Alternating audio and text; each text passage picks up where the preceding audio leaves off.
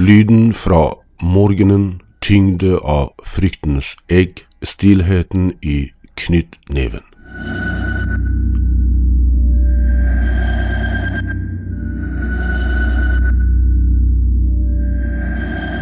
Det spilte ingen rolle hva som skjedde i mitt sinn.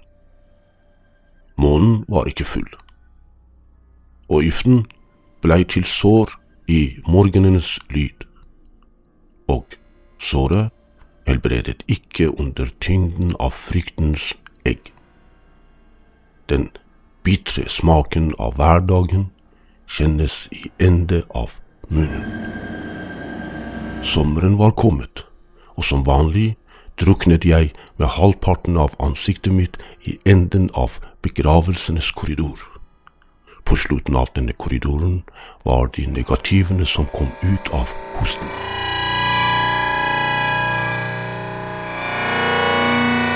Sov ikke. Hvis jeg sov, så var jeg sikkert lyden av en mor som en dag kom over det hodeløse liket av den lille dattera i baksetet på bilen.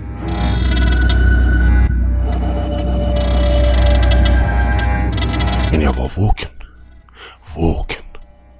Lagunen under furutrærne spilte countryrock fra slutten av 60-tallet. Jentene var nakne i duften av røykelse.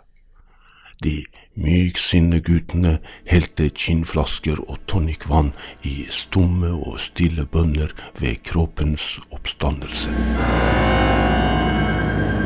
De ropte Hei, buksbom på randen av utryddelse under et angrep når Varg Vikernes knivstikker Eironymus og brenner kirke i Norges siste ord. Hei, skjelvende muterte virus når dansk etterretning samarbeider med USA for å espionere på europeere. Hei, dans av ord i farger når tyske schæferhunder blir fjernet fra Det hvite hus fordi de biter. Hei, hull i panner når 110 000 mennesker i fransk Polynesia blir utsatt for radioaktive partikler i Sør-Stillehavet. Hei, implantasjon av en mikroskip i et forlatt barn når urfolks graver blir funnet i Canada. Hei, DNA-manipulasjon i kinesisk aluminiumsfolie. Hei, geopolitiske organer i Midtøsten i hendene på bastards Mullas. Hei, skriket fra den eneste rå fuglen i skogen når en ung jente blir bortført, voldtatt og drept av politiet i Calpham i London. Du visste ikke at det finnes noen skitnere enn politiet? Jo, den falne guden. Jeg så ham ri på en ubemannet ubåt styrt av kunstig intelligens. Avføring var dyrt, og de fattigste blant de fattige ble født uten hull i rumpa. Jeg var våken. Jeg var våken, og mengder av ekle ting var heist til topps. Da jeg hørte en merkelig radiofrekvens fra en ukjent kilde som kom ut av de sammenfilterende ledningene til hustelefonen, kom den andre halvdelen av ansiktet mitt til syne. Denne skremmende, kvelende og ydmykende situasjonen tvang meg til å gjøre opprør mot den. Å og prøv Å gjøre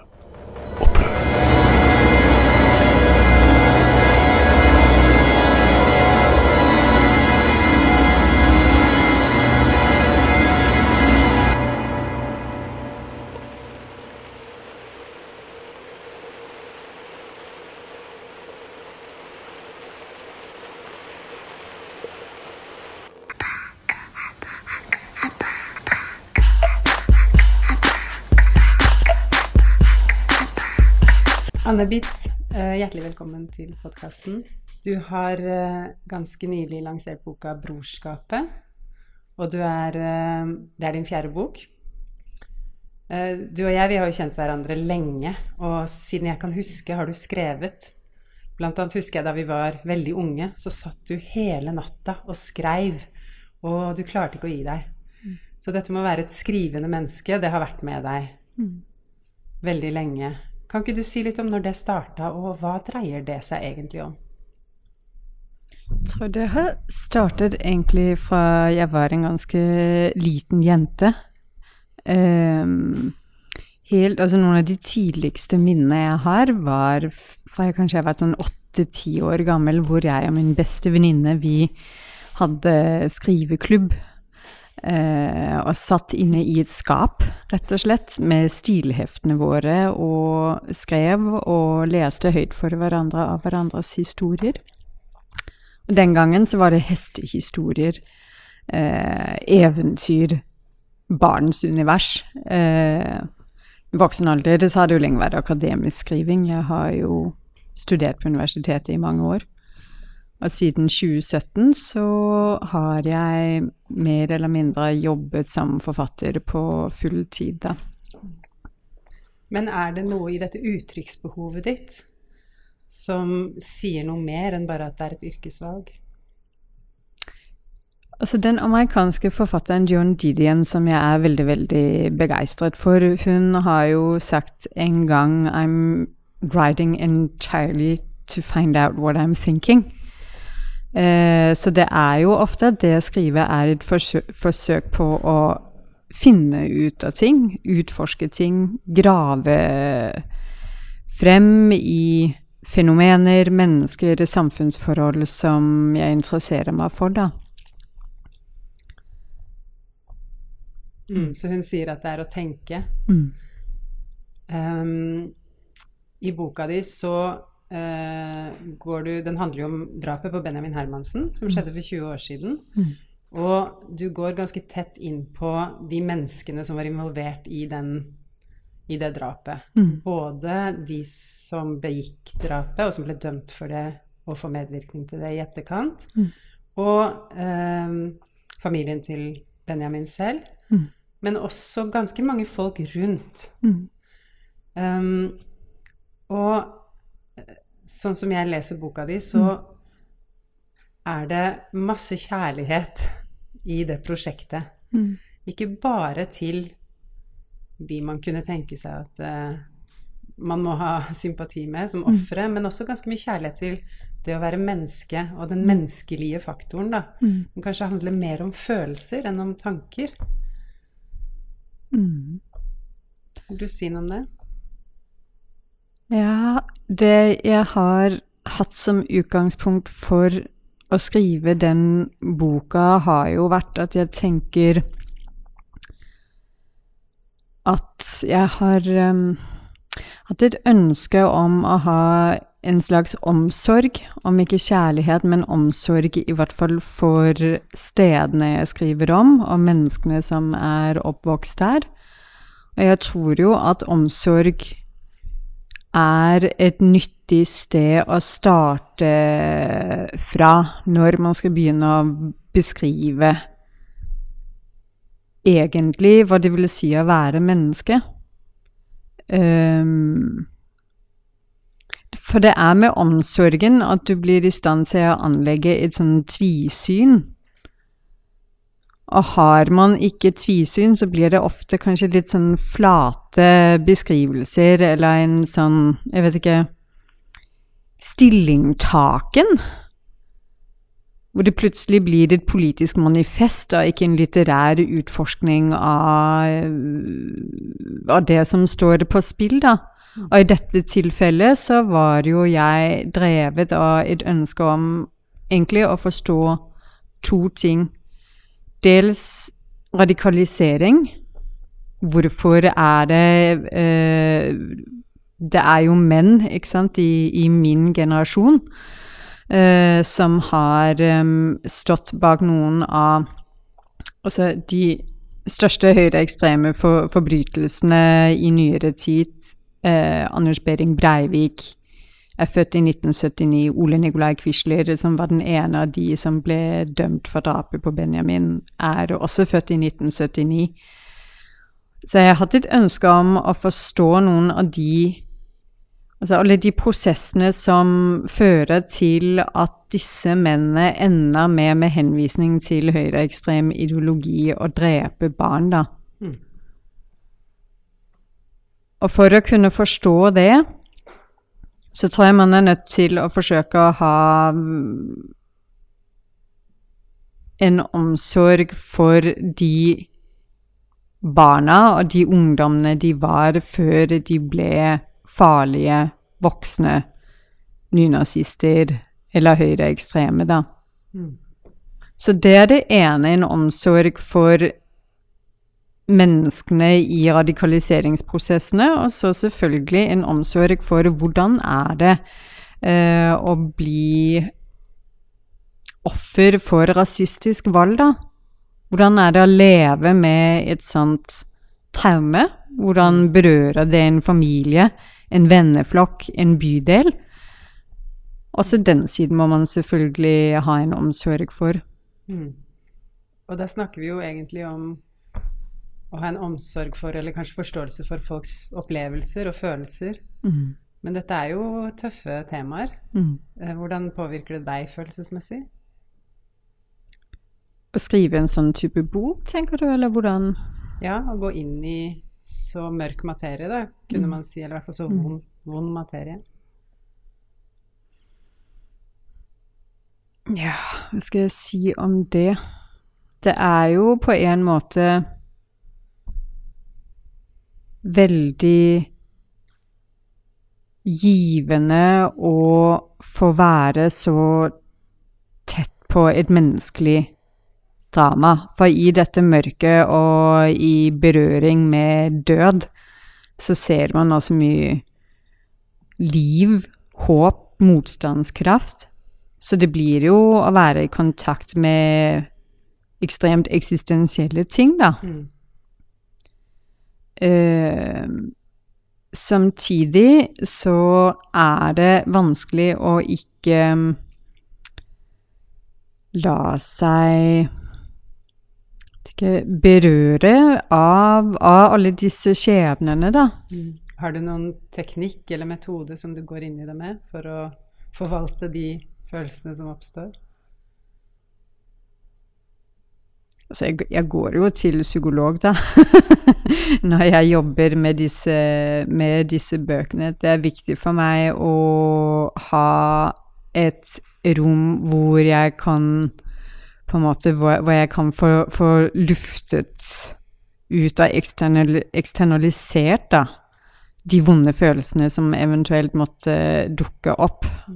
Sånn så at jeg skiller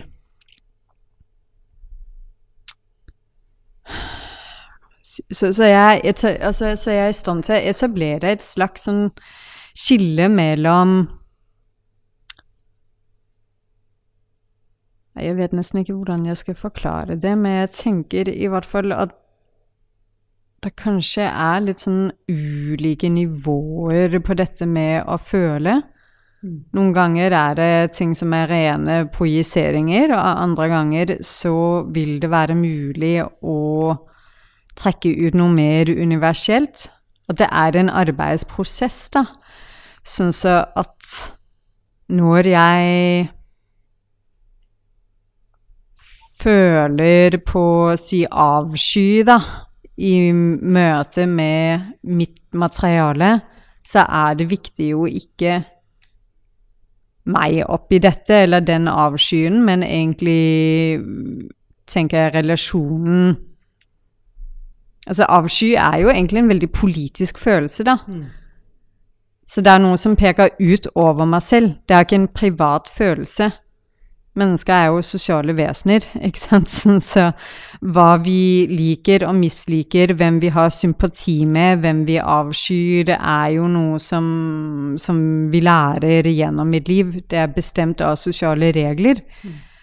Uh, og det interesserer meg, da. At når jeg er ute og intervjuer folk, eller det der ting jeg skriver, så må jeg jo i møte med dem og i møte med egne følelser huske å ha en slags analytisk distanse til det, da.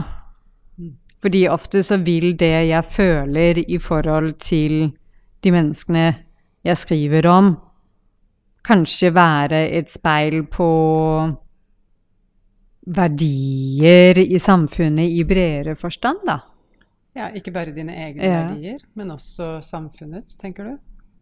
Ja, for jeg tenker at følelser er jo en form for Følelser vil alltid speile sosiale regler. Okay. Bare tenk på når du går i begravelse. Det er noen følelsesuttrykk som vi ser på som legitime, og også noe som er forventet. Du kan ikke sitte og le høyt under en begravelse. Det er, det er en slags sosial forventning om at når du går i begravelse, skal du være kledd på en bestemt måte. Det skal være dempet, man snakker ikke høyt. Eh, det er eh, når, Er du i en kirke eller et religiøst rom, eh, så er det Ikke sant, det er rommet som skaper hvilke følelser som er mulig å få slippe til, da.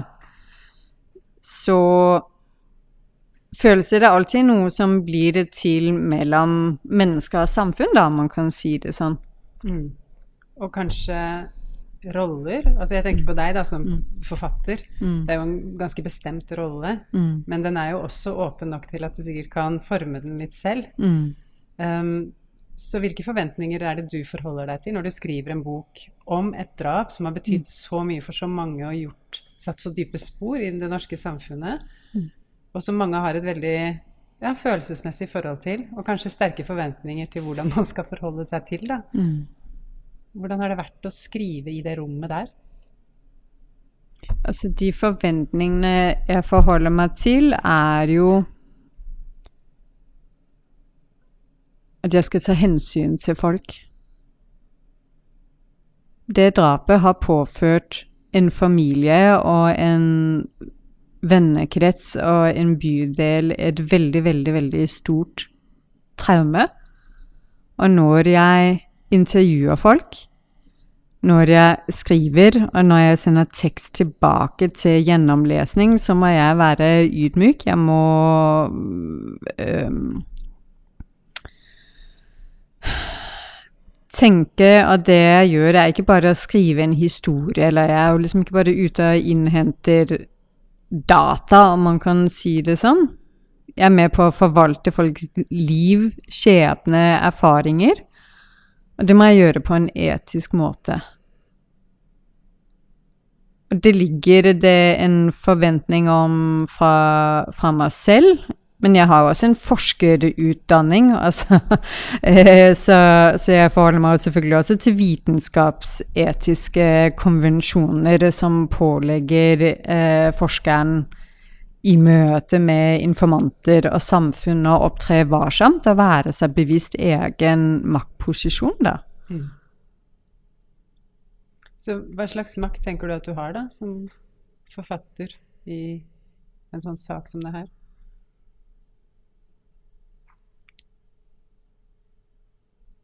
Det er jo en enorm makt i å forvalte um, et annet menneskes hi historie.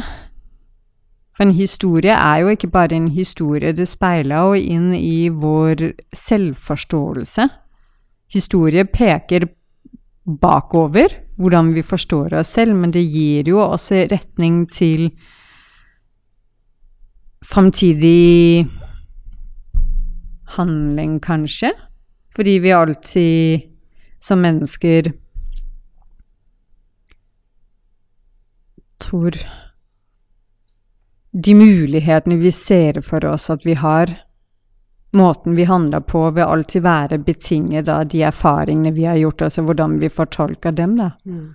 Og det er jo på individnivå, men hvis Mm. vi tenker mer samfunnsnivå, som kanskje Mm. er relevant i den, det tilfellet her, da. Dette er jo også en høyst offentlig historie Mm. om hvem vi er som Mm. samfunn. Mm. Hva, er, hva slags um, fortelling har du hatt lyst til å formidle, eller hva har du hatt lyst til å gjøre med den fortellingen, med prosjektet ditt? Altså, det denne boka forsøker, er jo på litt ulike Altså sånn Hovedideen bak denne boka var jo at jeg gjennom å se på dette drapet, så ville jeg forsøke å forstå, som jeg sa i sted, ikke sant, noe både om radikalisering. Hvordan er det at noen kan ende opp i et sted hvor de mister seg selv så grunnleggende til et miljø som er så farlig og så voldelig. Hvordan kan det skje, og hvordan Hva er det som fører til at noen kan ende med å drepe en 15 år gammel gutt i pysjamasbukse, liksom? Um, og Å forstå det tror jeg krever noe mer enn bare å forstå den individuelle radikaliseringsprosessen, da. Jeg tror det må ses i lys av hvordan fremveksten av militant nasjonalisme i Norge har, har utviklet seg historisk sett. Så det er jo, tenker jeg, det ansvaret som, som ligger på meg, da er å se det lille i lys av det store, om man kan si det sånn, da. Og det er jo da Altså, ja, som forfatter er jeg en forvalter av historier, og både menneskenes historie, men også norgeshistorien, så å si, fordi jeg forsøker å flette sammen historien om de tre domfeltes radikaliseringsprosesser sammen med beskrivelsen av hvordan militant nasjonalisme og nynazisme vokser frem i, det, i, det, i samfunnet parallelt. da.